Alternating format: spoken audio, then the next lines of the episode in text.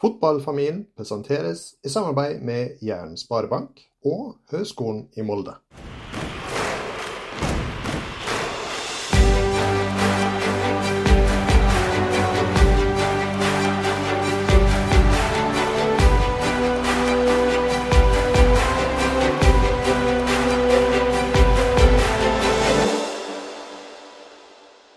Velkommen til Fotballfamilien, en podkast for deg som er glad i fotball.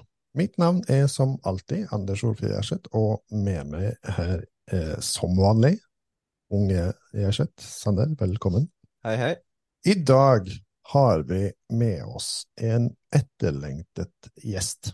Eh, og hun skal få lov til å introdusere seg sjøl og fortelle litt om hvem hun er. Men helt fra starten av Sander så laga du en litt sånn blueprint-liste på hvem du ville ha med, og da sto dette navnet her ganske langt oppe. Hvorfor, var det, hvorfor akkurat uh, denne gjesten? Nei, Det er vel først og fremst vi må ha med en mental trener. Det er sentralt i, i fotballen, og det blir bare mer og mer uh, ja, aktuelt, hvis vi kan si det. Ja. Da har du jo avslørt allerede at vi skal snakke med en mentaltrener. Um, så jeg tror jeg egentlig bare sier uh, velkommen til deg, Louise Rogers Holte. Tusen takk, og takk for invitasjonen. Du, det var veldig kjekt. Eh, som Sander sier, du har tidlig et navn eh, som han eh, hosta opp. Eh, jeg skal være så ærlig innrømme det at jeg hadde ikke hørt så mye om det før han introduserte navnet. Men nesten alle gjester vi har hatt med, har liksom vært opptatt av å oppfordre oss til dere må snakke med en mentaltrener. Så hvem er Louise Rogers Holte, og eh, hva gjør egentlig en mentaltrener i fotballen? Ja, eh, jeg eh, jobber som ja, Det er litt sånn blanda navn. Noen kaller det mentaltrener. Jeg kaller det kanskje idrettspsykologisk rådgiver. Samtidig som noen kaller seg idrettspsykologer, men de er jo klinisk utdanna psykolog. Eh, bakgrunnen min var jo å starte i læreryrket, og så hadde jeg psykologi, idrett og engelsk som fag. Eh, så har jeg jobba 15 år som fysisk trener for 15-19-åringer, og fysisk trener to sesonger i Obos-ligaen med Notodden. Samtidig som jeg i 2015 fikk tilbudt jobben her på skolen hvor jeg jobber, da, som er toppidrettsgymnas i Telemark. Um, og i 2015 så bestemte jeg meg for å starte opp for meg sjøl, så har jeg på en måte jobba både med elever på skolen, samtidig som jeg har opparbeida meg en kundekrets. Og så har jeg vært i to Ja, nå er det tredje sesongen jeg er i Sarpsborg, da. Så det å ha litt ballasten fra hvordan kroppen funker. Eh, og jeg merka jo det at uansett hvor mange, treningsplaner jeg la opp for fotballspillere og hvor mye man kunne gå i detalj på det, så var det likevel hodet som bestemte litt uh, i forhold til kanskje ting som motivasjon og drivkraft og, og ting som selvtillit. At det, det, er liksom hodet som er litt med på, eller egentlig avgjørende for hva man skal ha ut av de, det potensialet man besitter, da, som utøver. Men uh, fra et faglig perspektiv så tar jeg alltid et holistisk tilnærming til det individet jeg jobber med. Da. For meg så kommer alltid den personen jeg jobber med til å være mye mer enn bare en fotballspiller eller en idrettsutøver. Det er ekstremt viktig for meg.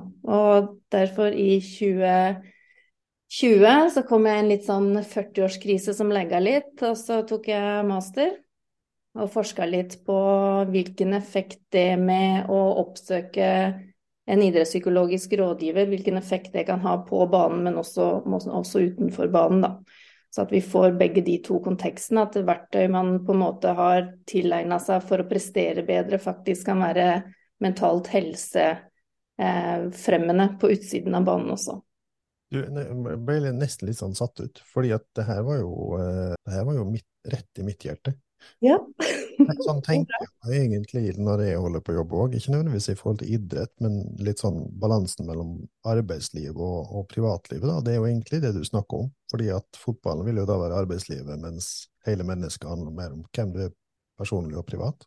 Ja, så vi jobber jo veldig mye Det er jo liksom det som kanskje er litt misforstått hos uh, veldig mange, det er det her med selvtillit. Da. Selvtillit og selvbilde eller selvfølelse, det er egentlig to litt sånn vidt forskjellige ting. Eh, men så snakker man ofte om begrepet selvtillit. Eh, og det å på en måte få de til å forstå den forskjellen det er på de to, Det, det bruker litt, vi, eh, vi litt tid på. Altså, hva er det du tar med til bordet, uavhengig av kontekst du befinner deg i? Da? Hva er dine grunnverdier? Hva er dine byggestener i livet da, som ingen kan ta fra deg uansett hvem du trener under eller hvilken forhold du er i på en måte utenfor banen. Da. Så jeg ser du sitter og smiler nå. ja, nå er jeg helt flabbergastet. Du, Junior, nå må du bare gjøre notater, for det her er noe av det viktigste du kommer til å lære i år. Det her var, det, det, nå det får jeg vann på mølla her, men da må jeg bare liksom passe på, for nå kan jeg ta helt av. Eh, og jeg er egentlig mest interessert i å høre hva du eh, jobber med. Eh, vi kommer tilbake igjen til dette, det lover jeg. Men jeg må stille ett spørsmål til, og det er hvordan kom du akkurat inn i Sarpsborg og i toppfotball? For jeg hører du, du har jo et bred bakgrunn og gjort mye forskjellig, men det må ha vært en spesifikk grunn til at du akkurat kom inn i Sarpsborg? Det har vært en litt sånn lang personlig reise. Ehm, jeg håper jo kanskje den kan motivere litt, da. Men jeg har jobba på et fotballteam med folk som Frode Johnsen og Tommy Svindal Larsen og Terje Abrahamsen, som er keepertrener i Odd. Jeg har jobba med Lasse Jørn Fredriksen. Altså folk som på en måte har kan fotball veldig, veldig godt. Og så kom jeg inn som fysisk trener, og så visste jeg på en måte at jeg kommer jo aldri til å nå de til knærne i forhold til det her med fotballfaglige. Og så måtte jeg finne ut hva som var min styrke. Sånn at, eh, for Hvis vi skal da snakke om selvtillit, faglig selvtillit, ikke sant? Så, så kommer jo jeg på en måte inn. Og så visste jeg det at ja, men uansett fagkompetanse, så er styrken min relasjoner til mennesker. Det å bygge rask tillit med mennesker. Det å Jeg er litt drevet av alturistisk egoisme da, når andre når sine mål så får jeg en faglig tilfredsstillelse. Um, så det å starta jo da at det, det lå litt i kort av muligheten til å, få jobb eh, som fysisk trener i Odd. Eh, så sto det vel mellom to, så blei det ikke meg. Eh, og istedenfor å bli bitre Berit, så tenkte jeg ja, men jeg kan jo også jobbe med de beste, og jeg ønsker å jobbe med de beste. Da hadde jeg samtidig i 2014 tatt topptrenerutdanninga. Um, og så blei det en litt sånn spark i ræva til meg at nå må jeg slutte å tenke på det. Og det er jo liksom det som er greia med idrettsutøvere òg. Vi prater mye, og, og, de prater mye, men det er liksom vi må se aksjoner, vi må se handlinga. Så jeg hadde en kollega som satte seg ned dagen før 40-årsdagen min på Brønnøysundsregisteret, og så sa han nå skal vi starte et enkeltmannsforetak, Louise, for deg. Og så starta jeg sånn, så var det bygge sten for sten, og så gikk jeg inn som fysisk trener i Uredd, som var fjerdedivisjon. Og så fikk jeg jobb med Tommy Svindal Larsen når han var i Porsche, det var tredjedivisjon. Uh, eh, og så må du bare sørge for å gjøre jobben godt. Og så blei det under Kenneth Dokken i Notodden. Da blei jeg spurt om å jobbe der. Og samtidig da så hadde jeg jo også begynt å opparbeide meg en kundekrets fra 2015, sånn med fotballspillere rundt forbi. Egentlig basert på kanskje godt renommé, da, at jeg var kanskje god til det jeg holdt på med. Jeg tar vekk kanskje, jeg var god til det jeg holdt på med. Syns det var bra. ja. Og så kom jo koronaåret, og så hadde Sausborg hatt en veldig god erfaring med å ha mentaltrener. Eh, hadde, Trond hadde da reist videre, tror jeg, for han var under Geir Bakke. Eh, og så var det Mikke Stare og Thomas Berntsen som henta meg. Men da sto det litt mellom å gå til Godset og det å gå til eh, Sarpsborg. Og så, så blei det Sarpsborg som kom først med, med, forslag til kontrakt. Da. Så nå har jeg utøvere i 13 forskjellige ligaer som jeg følger opp individuelt. Og så følger jeg klubben eh, i en 50% stilling. Og så jobber jeg på skole på videregående her på toppidrett i Skien eh, i en 25% stilling. Nå er det vanskelig for en lytter på en podkast å se at det ser ut som et spørsmålstegn, men det gjør det faktisk. Eh, 13 forskjellige ligaer? Ja. ja. ja. Det er mange ligaer der ute, vet du. Ja, eh, eh, ok, men hvilke ligaer da? Du, det er Jeg har i Sverige, eh, i Danmark, i Ungarn, Bulgaria, Spania, England, både Premier League og Championship.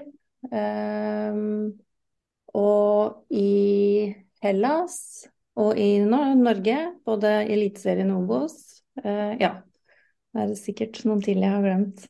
Du, det her er jo Rolls Royce, rett og slett. Det her er bare, det her er gull. Det her liker vi. Nå gleder vi meg til å høre videre. Vi skal gå over på dagens første spalte, som er spalte om relasjoner. Spalten presenteres i samarbeid med Jæren Sparebank. Det er som vi sier det på Jæren, det er jabbene som drar. Først av alt, Louise, hva betyr ordet relasjoner for deg? For meg så er det noe som har med forhold eller forbindelse å gjøre. Jeg tror For det første så tenker jeg det er et positivt ord, fram til jeg reflekterer litt over det. For man kan jo ha et dårlig forhold til f.eks. For alkohol. Så det trenger ikke være mennesker nødvendigvis. Ehm, men eh, nei, det er en forbindelse.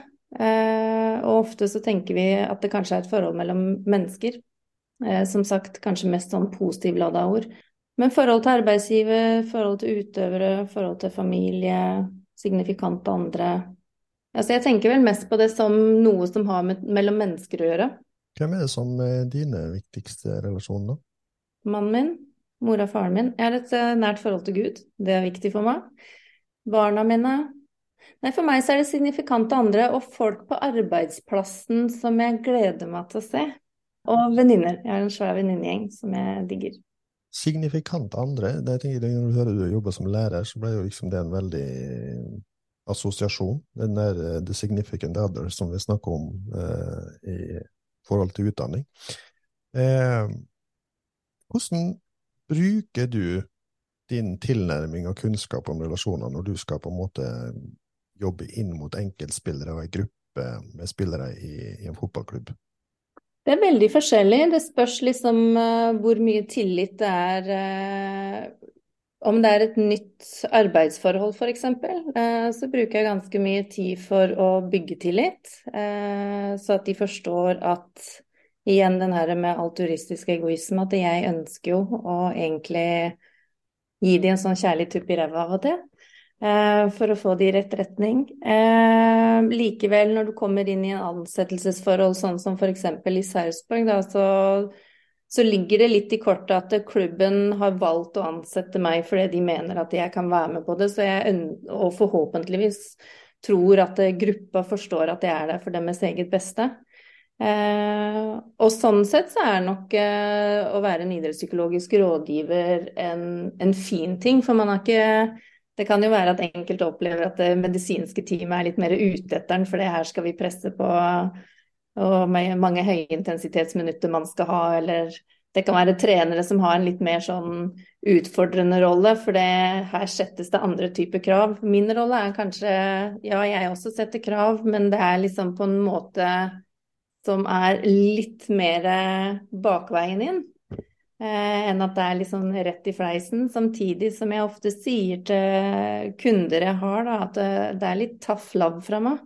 Eh, ofte så kan det være ting som dukker opp hvor de ender opp med å sitte med stafettpinnen sjøl når de er ferdig med samtalen, enda de hadde håpa på å gi den videre. At jeg skal fikse noe, eller andre skal fikse noe. Så i det her med å bygge relasjoner, så er det alltid Det tror jeg er viktig å ta med seg uansett hvor man befinner seg og hva man ønsker å jobbe med, er at det, av og til så må vi slutte å prate, og så må vi iverksette handlinger og tiltak. Eh, og så kan det kanskje være min jobb. Okay, hvilke eh, verktøy bør jeg benytte nå? Hvilke tiltak bør vi sette i gang med nå, faktisk? Så det er til slutt til syvende og sist ansvaret for å få ut ditt potensial er helt Litt brutalt sagt, det er irrelevant hvem som er rundt deg, altså.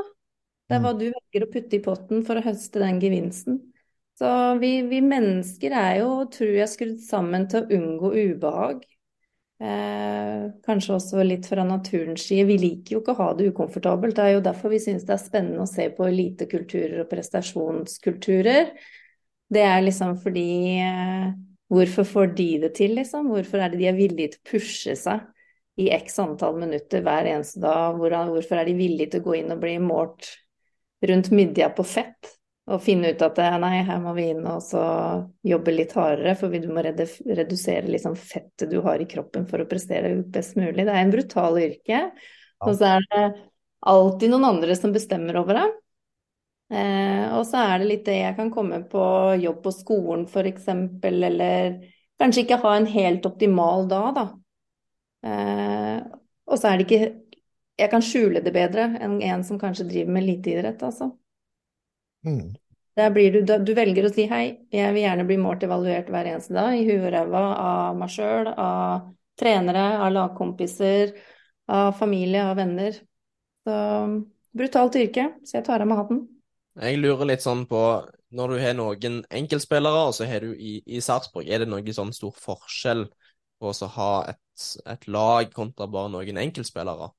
Ja, det er jo på en måte det. Altså, når jeg jobber i Sarpsborg, så har jeg individuell oppfølging. Eh, da er det sånn at før jeg kommer inn, så sier jeg hvilken dag jeg kommer, og så setter de seg på liste på hvem som ønsker å ha en prat. Eller så kjører vi det over FaceTime når jeg er i Skien og de er i Sarpsborg. Eh, samtidig så er det ganger hvor enten trenerteamet eller jeg sjøl eller kapteinsteamet, hvor vi samler oss, og så tar vi en sånn felles eh, sekvens mer.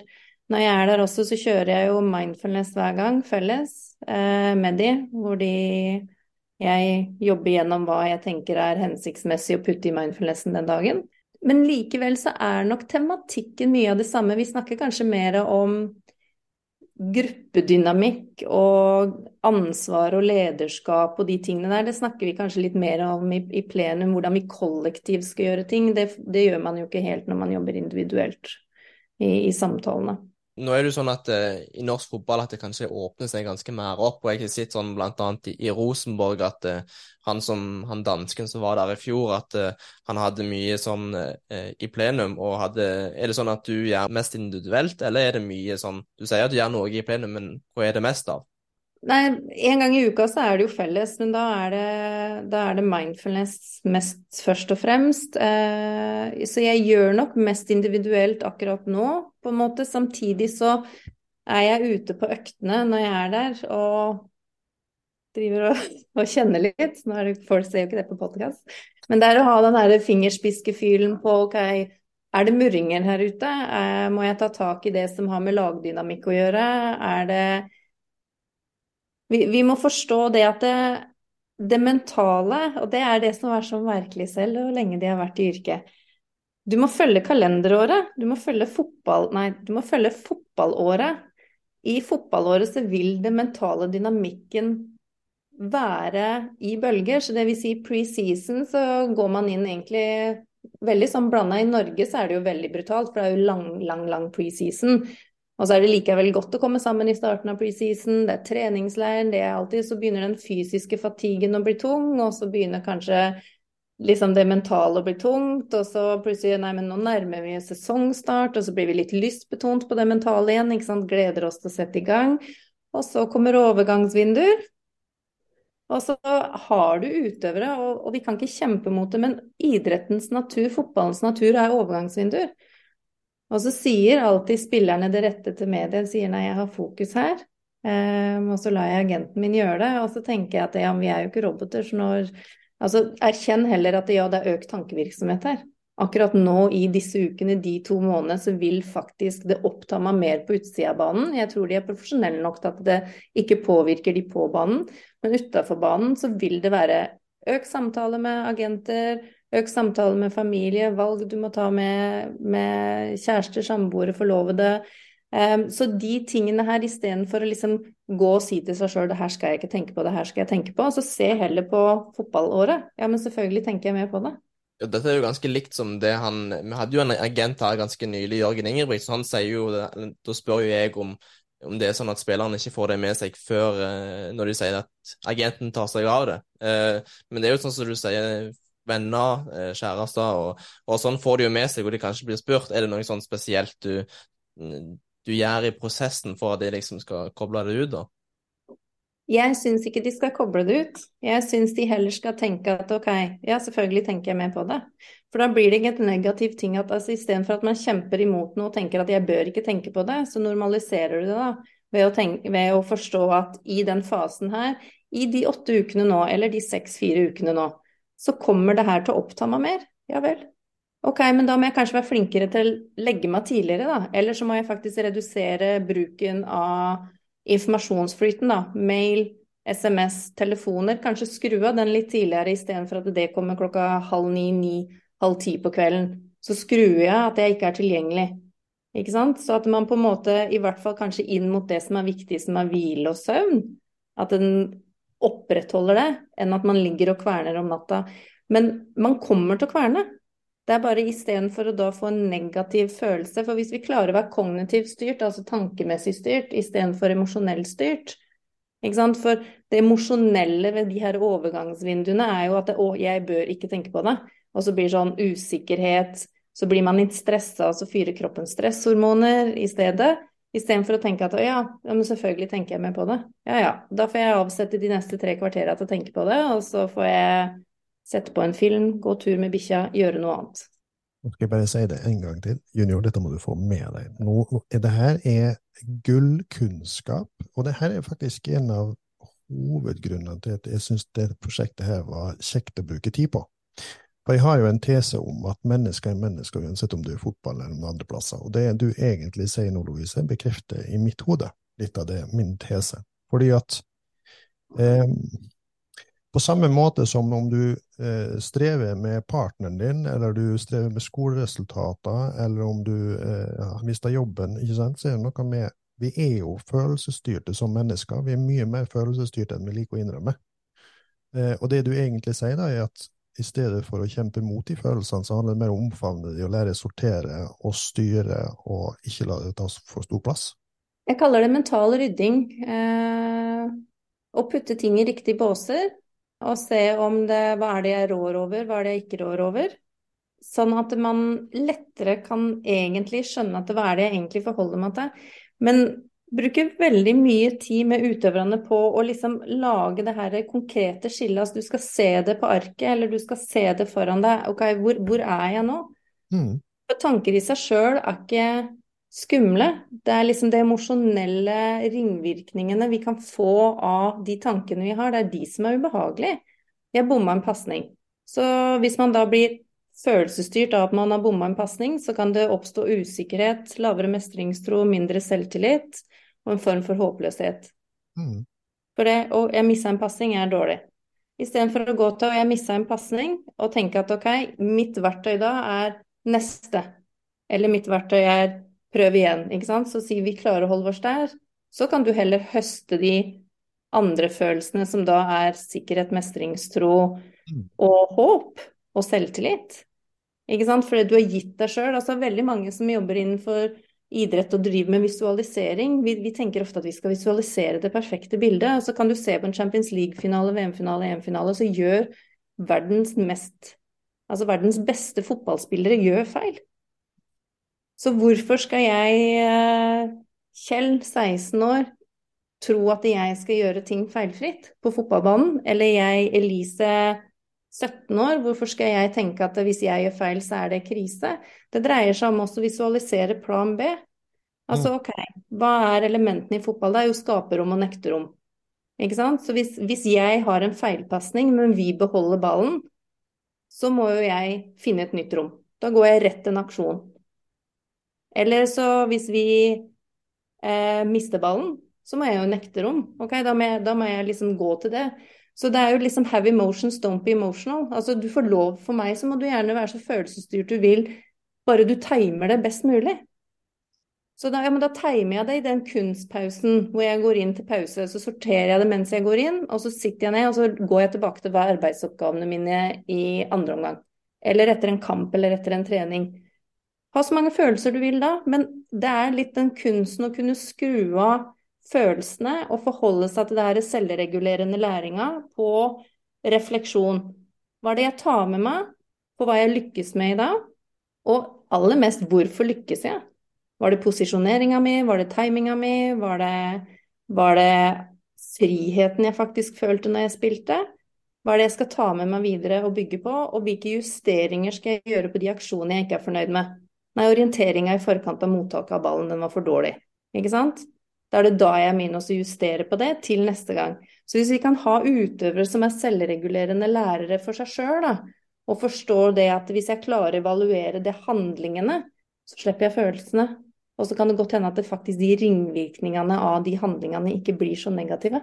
Dette er jo noe som jeg føler alle fotballspillere skulle hatt en uh, innvirkning og, og, forstått det her. Men jeg, jeg er helt enig, og jeg, jeg føler sjøl at jeg prøver sjøl på at uh, med guttene jeg trener, at uh, jeg er veldig opptatt av at det skal være lov å være rom for å gjøre feil. Og at man hele tiden skal tenke neste, og, og at alle gjør feil. Uh, jeg tenker Det er en viktig metode for at de òg skal bli bedre. Jeg vet ikke hvor mye det går inn for sånn mental trening, men jeg lurer litt sånn på Tror du, sånn med tanke på Sarpsborg, tror du det er mye innvirkning av at treneren òg må ha det fokuset på at de òg skal ha litt sånn rom for feil, liksom, eller tror du det bare blir individuelt, da?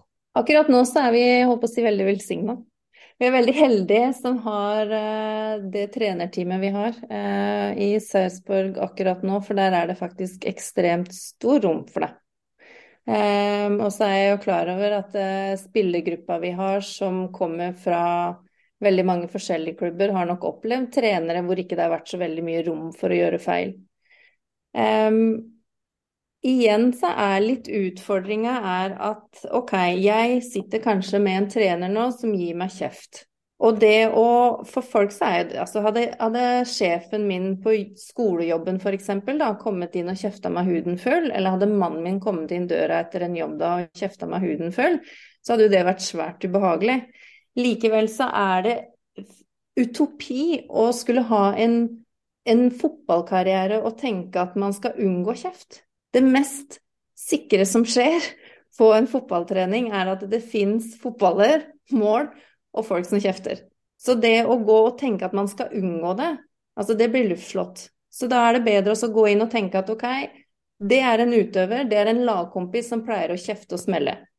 Ok, Hvem setter jeg det på? Hva er egentlig budskapet? Jeg sier ofte finn, finn budskapet i hva beskjeden er. Og Hvis ikke det er noe knagg å ta med seg fra det budskapet, så setter du det på han. Innpakninga, hvordan beskjeden kommer, den er aldri under din kontroll. Om den kommer i form for kjeft, om den kommer i form for en helt unødvendig sklitakling, hva det det budskapet det putter du på den andre. Så det å være mentalt robust, og det å tørre å tenke at ok, jeg hører hva treneren sier, at han ikke liker at jeg prøver å løse det på den måten, men da må jeg finne ut av hva han ønsker i stedet, hvis ikke jeg klarer å finne det svaret sjøl. Vi, vi, kommer ikke utenom kjeft på fotballen. Ikke, det, det, er helt, det, er helt, umulig. For hvis ikke så finnes det folk i avisa som kjefter på deg. Facebook-troll, det finnes Twitter-troll, det finnes folk på stadion. Og, og norsk fotball er jo så mild. Altså Hvis du bare ser bort til Sverige, hva som foregår der, da. Der blir jo spillere liksom headhunta. Altså, når det går dårlig, så kan du forvente deg som trener da, at bilen din har liksom punktert dekka, altså tagga ned hva som helst. Altså supportere tagger ned sitt eget klubbhus. Mm. Så, så at folk i norsk fotball er bekymra for å få kjeft, da må dere faktisk nesten holde dere her, altså.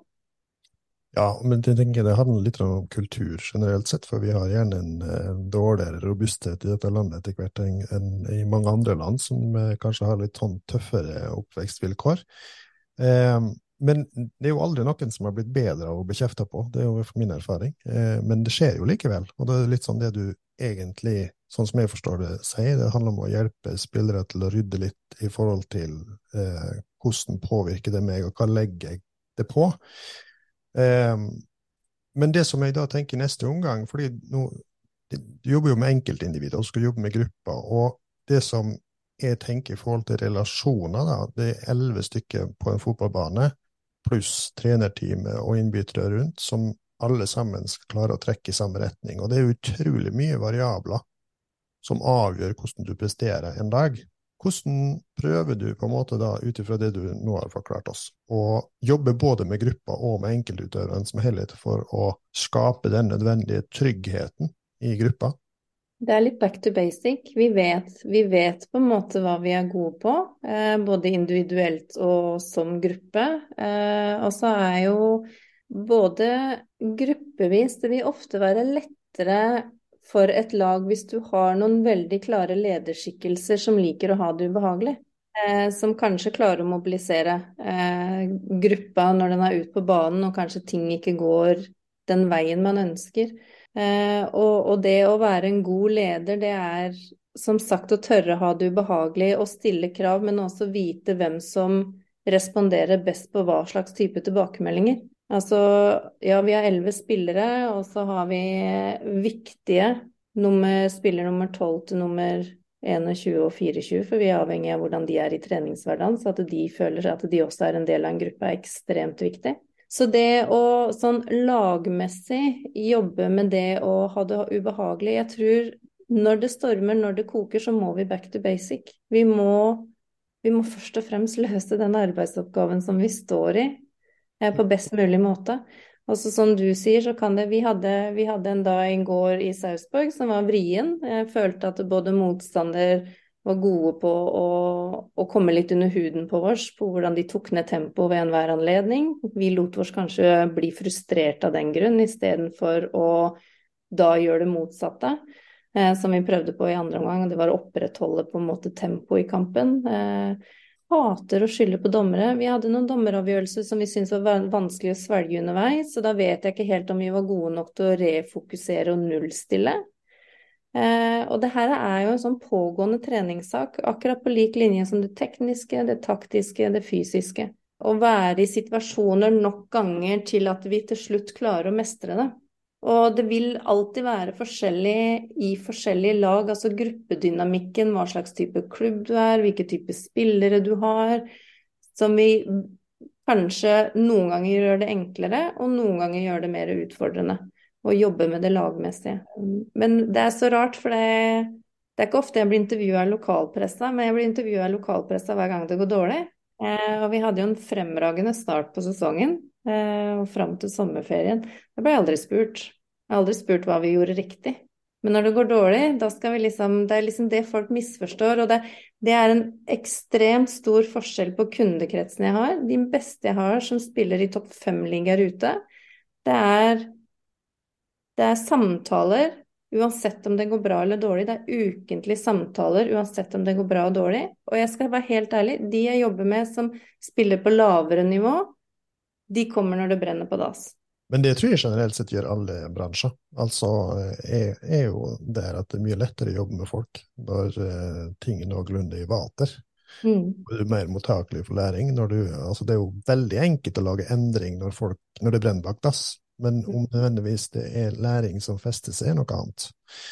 Eh, men er, er, vi skal over i neste spalte etter hvert. Men det er én ting jeg har lyst til at du skal si litt mer om. Fordi at eh, Skal ikke undervurdere våre lyttere, men det er ikke sikkert alle er like kjent med hva mindfulness egentlig er. Så siden du sa du bruker det i gruppa, kan du si bare liksom kort hva er mindfulness, og hvordan bruker du det?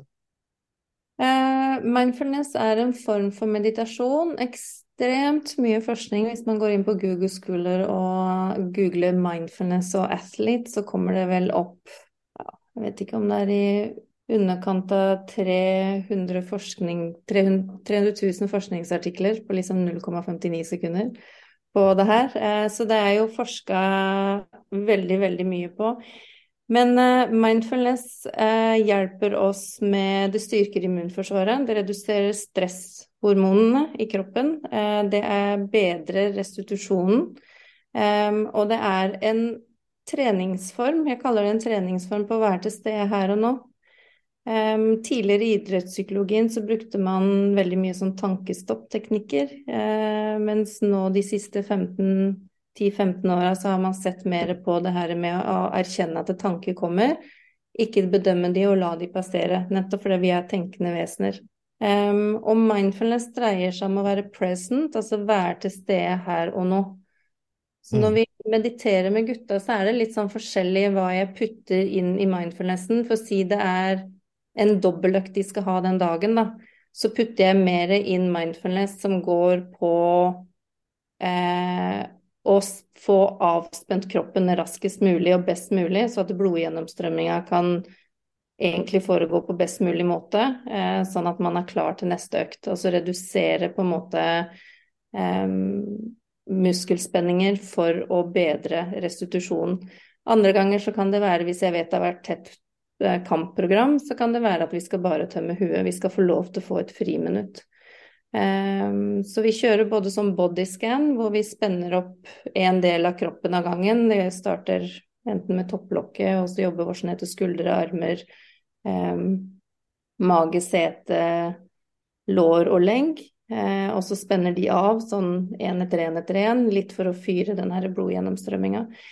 Eh, det ser også i forhold til forskning så viser det at det ikke bare er søvn, restitusjon og redusering av stresshormoner, men det bedrer også immunforsvaret, og det hjelper i forhold til selvtillit. Så en overforenkling, så kan vi si at mindfulness er egentlig bare meditasjon? Ja.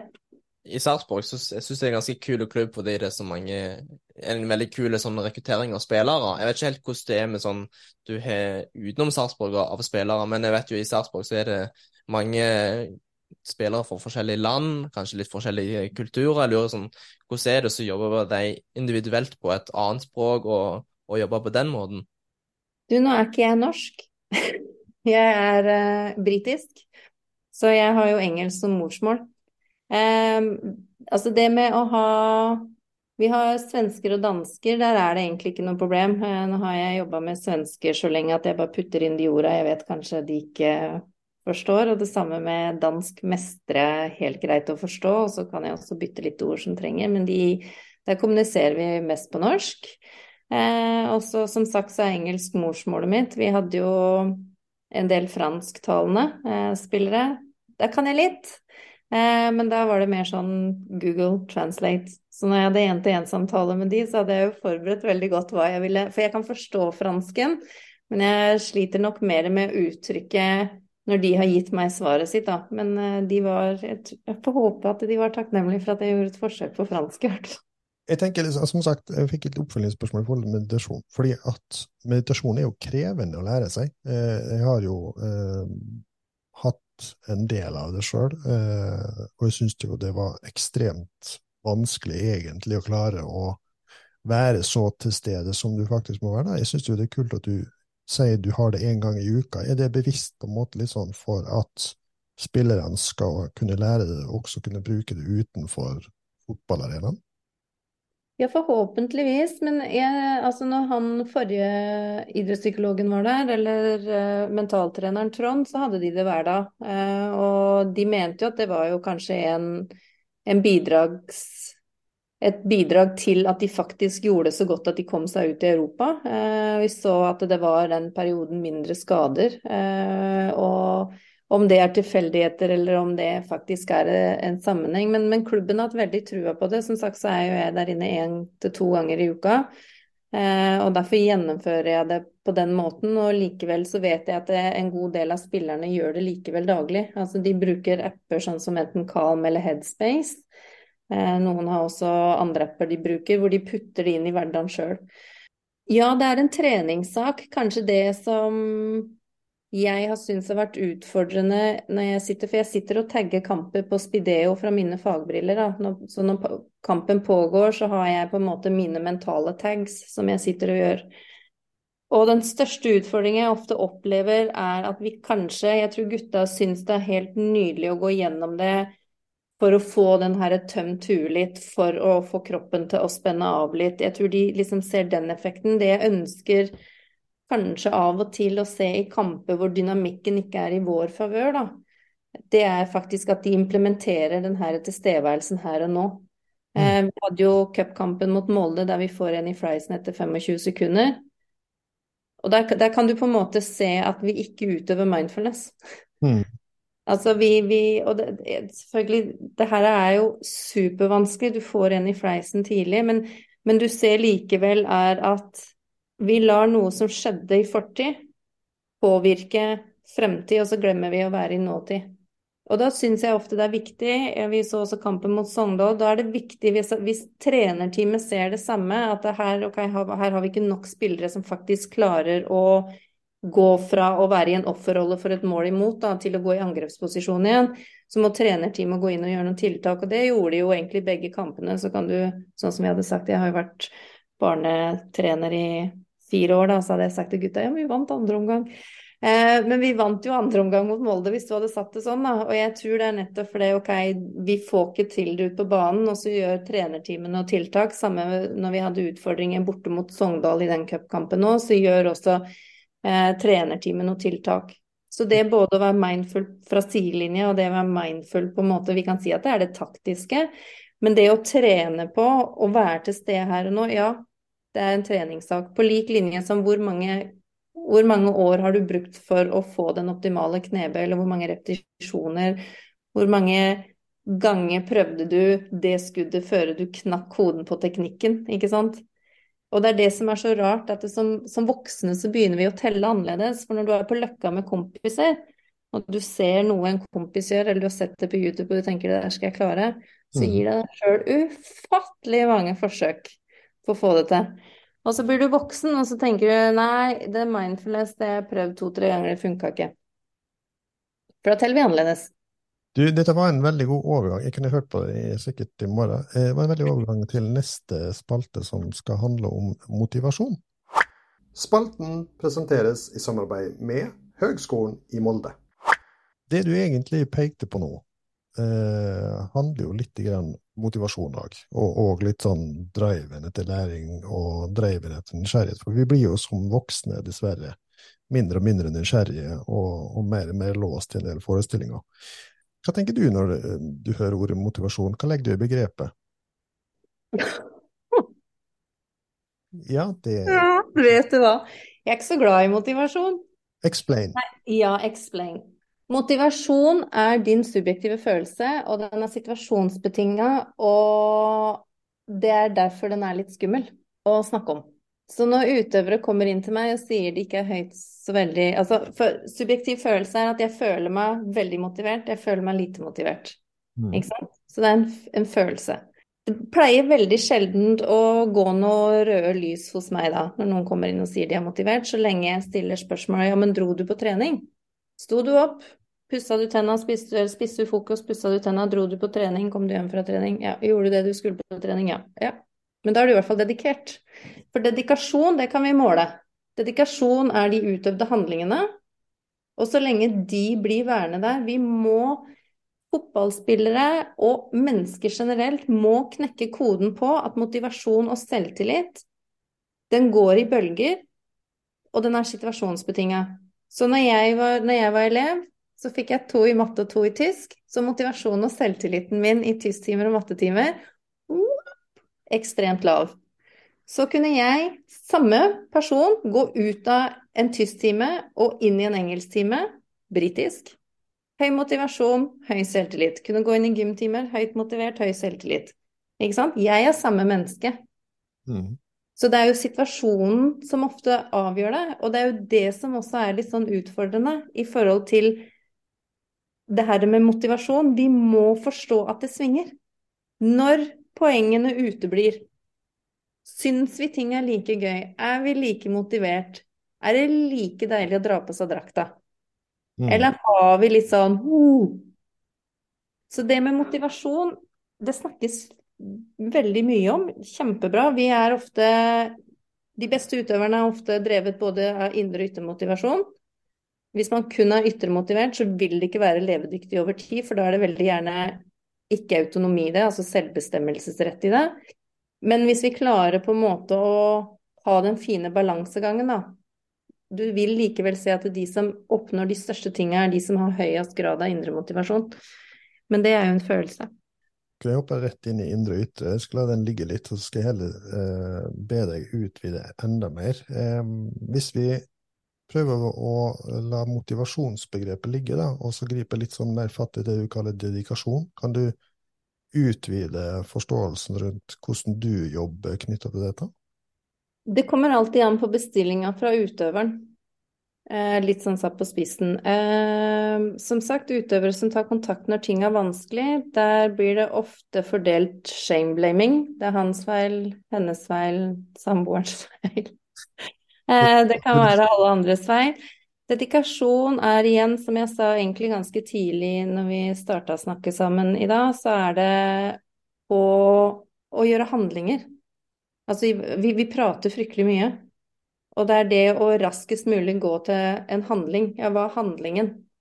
Så når vi jobber med dedikasjon, igjen tilbake til de beste utøverne jeg har, de går inn på treningsfeltet hver dag med en tanke om hva de skal ha et fokus på. Mm. Dette er mine arbeidsoppgaver i dag. Så du kommer på trening for å trene, og ikke for å bli trent.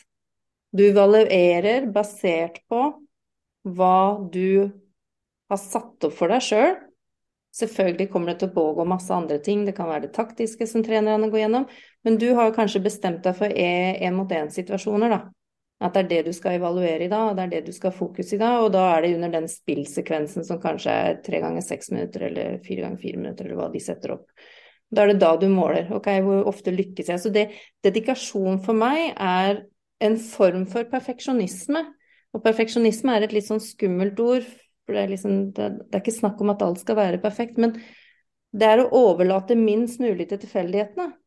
Mm. Det, det, er ikke liksom, da er det ikke helt Da er det ikke opp til hva lagspillere eller lagkompiser gjør, da er det ikke opp til hva treneren gjør. Jeg, jeg har ikke overlatt hvordan den treninga her blir til andre enn egentlig meg sjøl.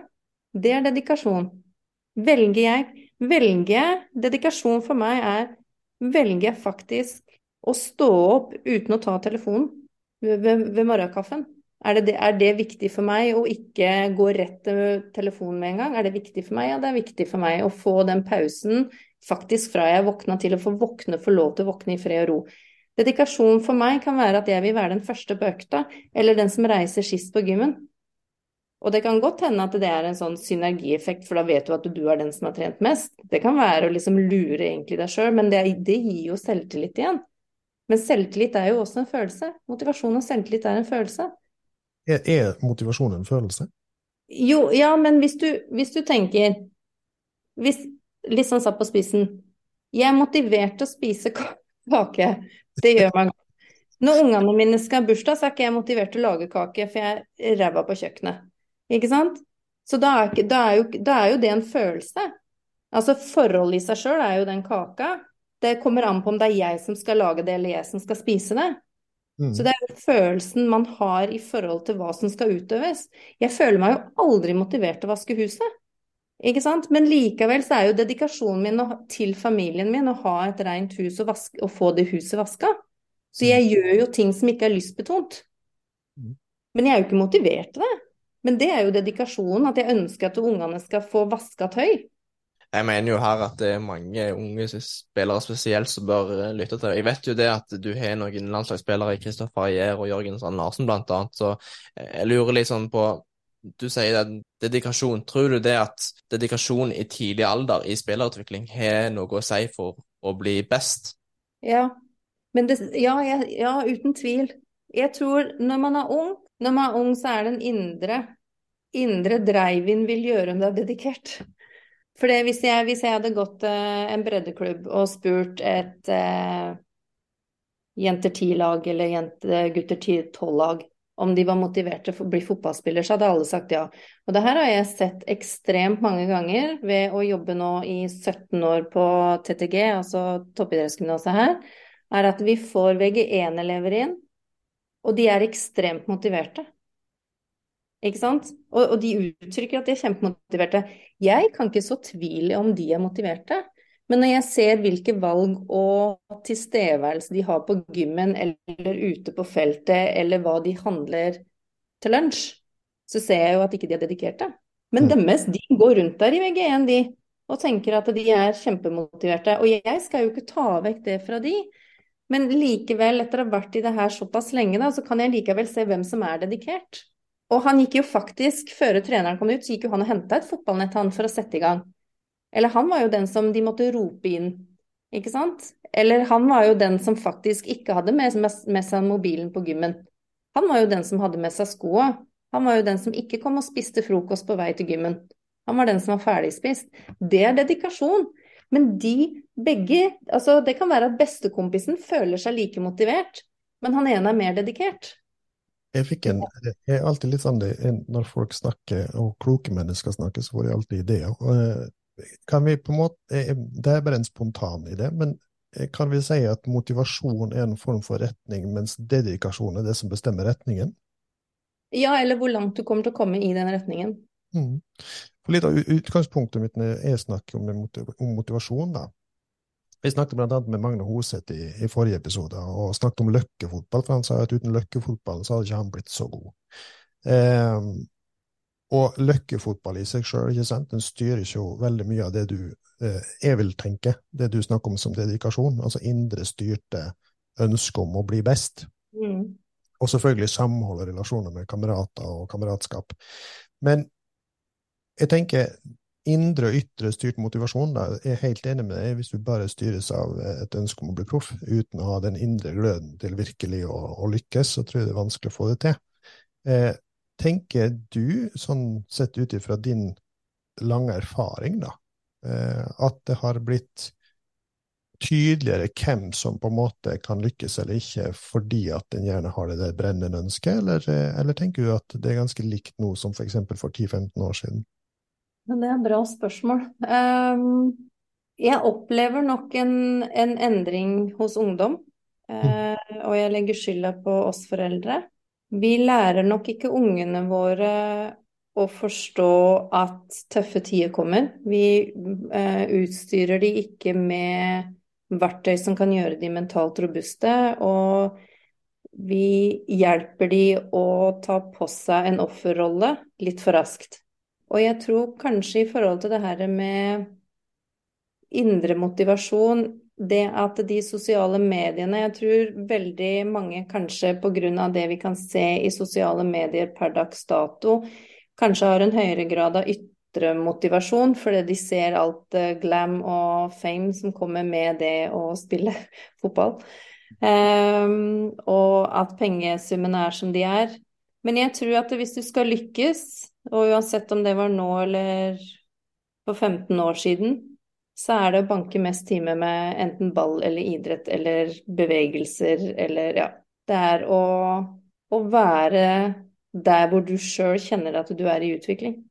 Så den indre motivasjonen, jeg tror nok Du har nok en, en yngre garde som kommer opp med mer hva kan klubben gjøre for meg, istedenfor hva jeg kan gjøre for klubben.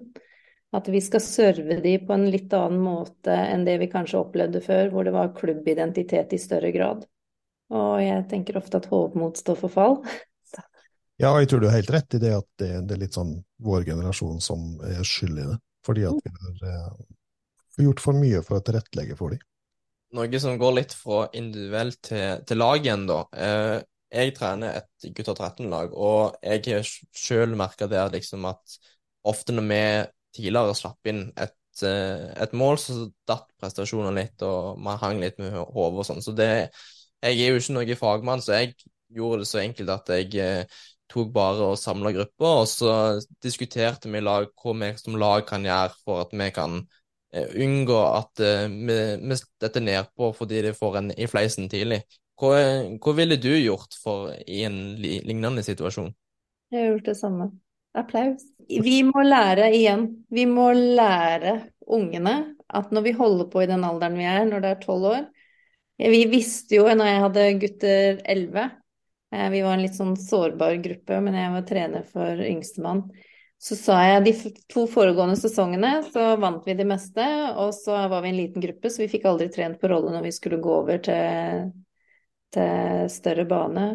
Men jeg sa til gutta i år skal vi lære å tape sa jeg til gutta, for det har vi ikke gjort før.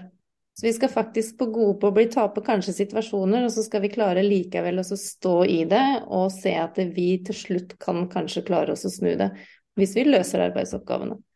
For igjen tilbake til det her unger I dag skal alle skal vinne. Det er litt sånn alle skal få, alle skal få pris, og så lenge du deltar, så er det gøy. Og for noen så funker det. For noen den inkluderingsmetoden er viktig.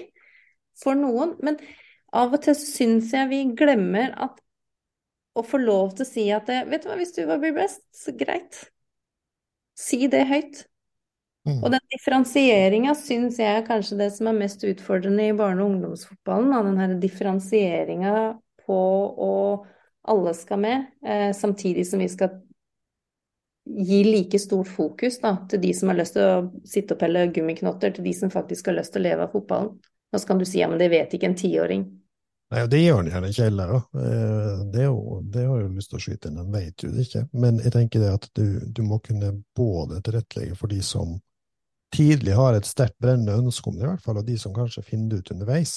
Eh, og mm. der merker jo jeg at fra den tida jeg var med og trente guttungen, så var jo det som var den store utfordringen. Hvordan på en måte får vi alle med, men samtidig gir plass til de beste. Og jeg mener jo personlig at vi har mista mye på veien fra 80-tallet da jeg vokste opp, eh, med løkkefotballen og, og den litt sånn frie, uorganiserte idretten til alt som på en måte blir nesten litt sånn organisert i hjel. At en kanskje selvstendiggjør og ansvarliggjør utøverne for lite for tidlig. Mm. Samtidig som jeg kanskje syns at vi eh, Samtidig så er eh, min tanke er at vi ikke er gode nok til å forklare realiteten til ungene. Ja. Eh, jeg syns ikke at vi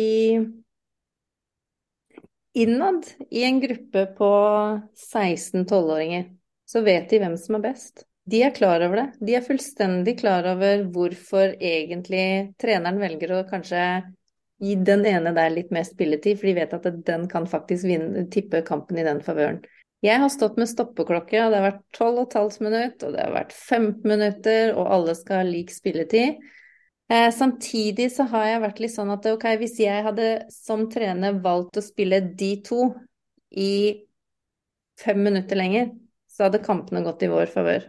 Den indre Altså, gutta sjøl vet hvem som er best, og så skal vi nei, alle skal være med, og alle så så, så, på en måte så prøver vi igjen å skåne barna for hva som venter de seinere.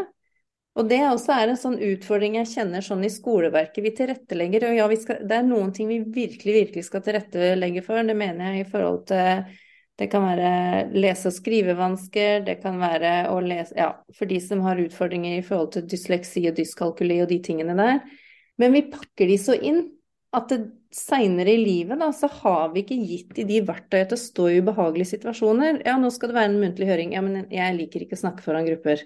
Og så, og så hele tida så skal vi tilpasse egentlig deres krav, mens i den store verden der ute så venter det andre ting. Og, og sånn, er med, sånn, er det med, fotballen, at vi kan få spillere som kommer inn og uttrykker at ja, men jeg liker ikke å få kjeft av trenere, jeg blir så dårlig når treneren kjefter på meg. Så, Da må jo jeg utfordre de, da. Ja, men kan du se for deg den treneren her aldri kjefte? Nei. Nei, ok, men da må vi lære å håndtere det.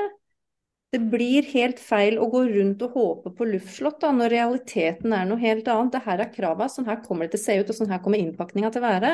Så da må faktisk du justere din måte å håndtere det på, for du kommer ikke til å forandre en trener på 56 år, da, som alltid har hatt den trenerstilen. Han kommer plutselig ikke til å bli sånn Nå skal jeg trygge deg. Må heller gjøre noe med hvem som trener de. Jeg, jeg lurer litt sånn når du sier det at du eh, skulle lære de å tape. og da er jeg sånn Opp gjennom så er jo jeg spesielt den som jeg hadde som var veldig på det at han skulle lære oss å hate å tape. Er det feil? Nei, det er ikke feil. Jeg blir jo litt glad når noen av ungene blir sure fordi jeg har tapt trening. Jeg må jo si det.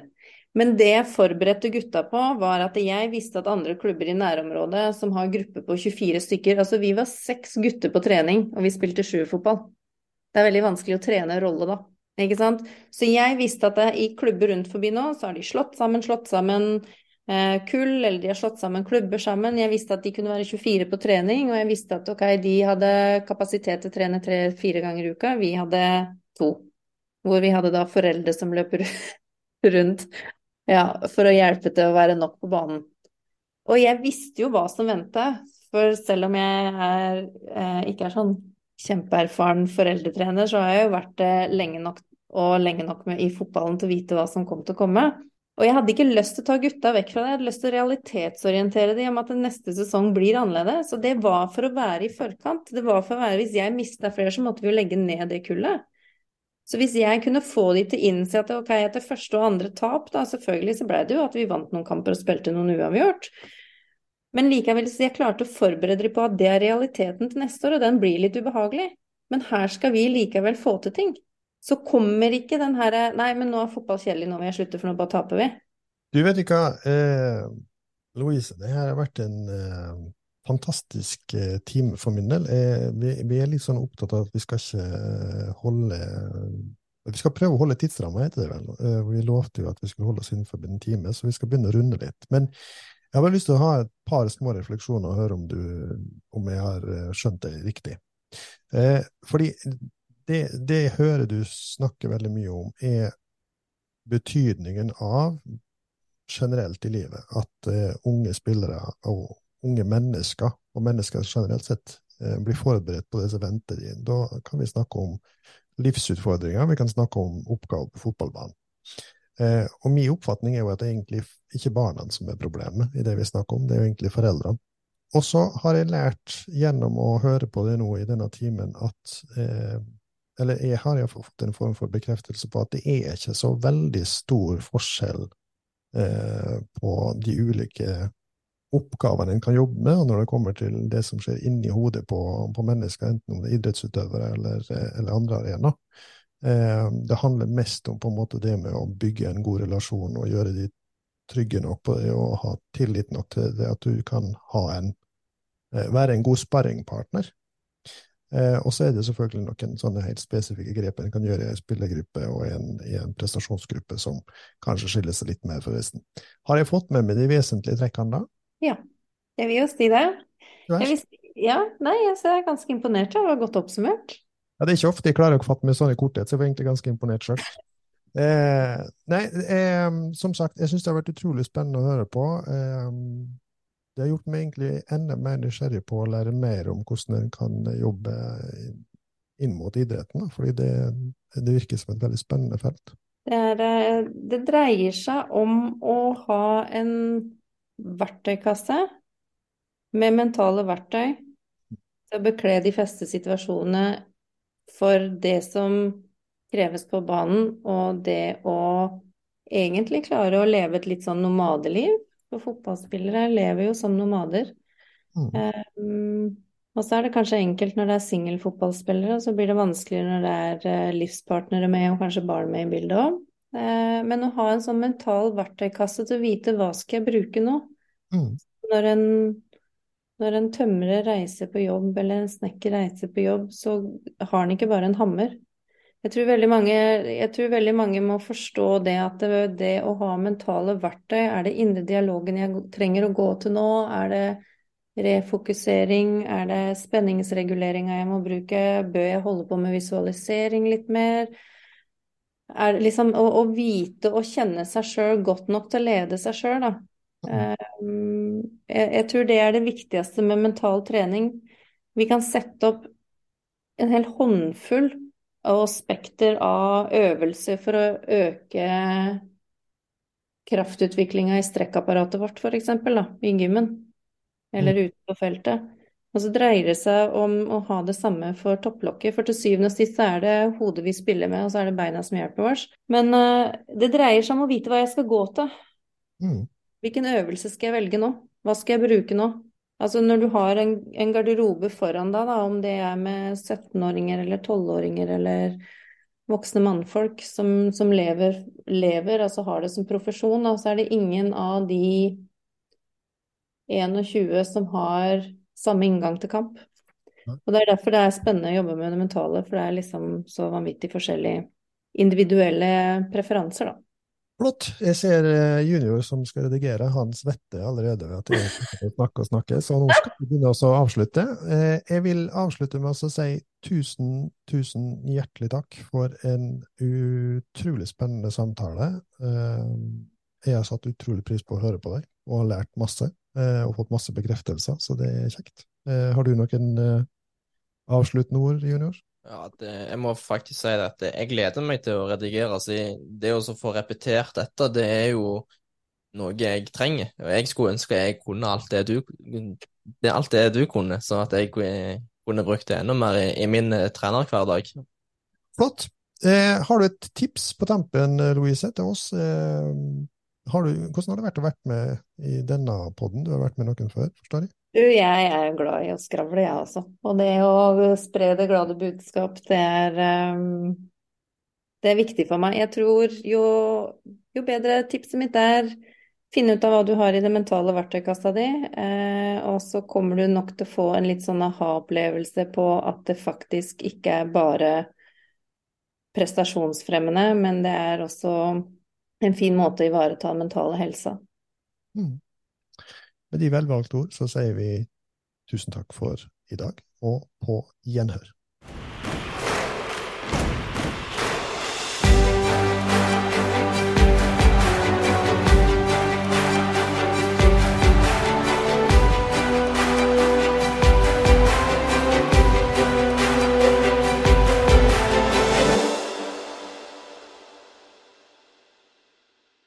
Fotballfamilien ble presentert i samarbeid med Jæren Sparebank og Høgskolen i Molde.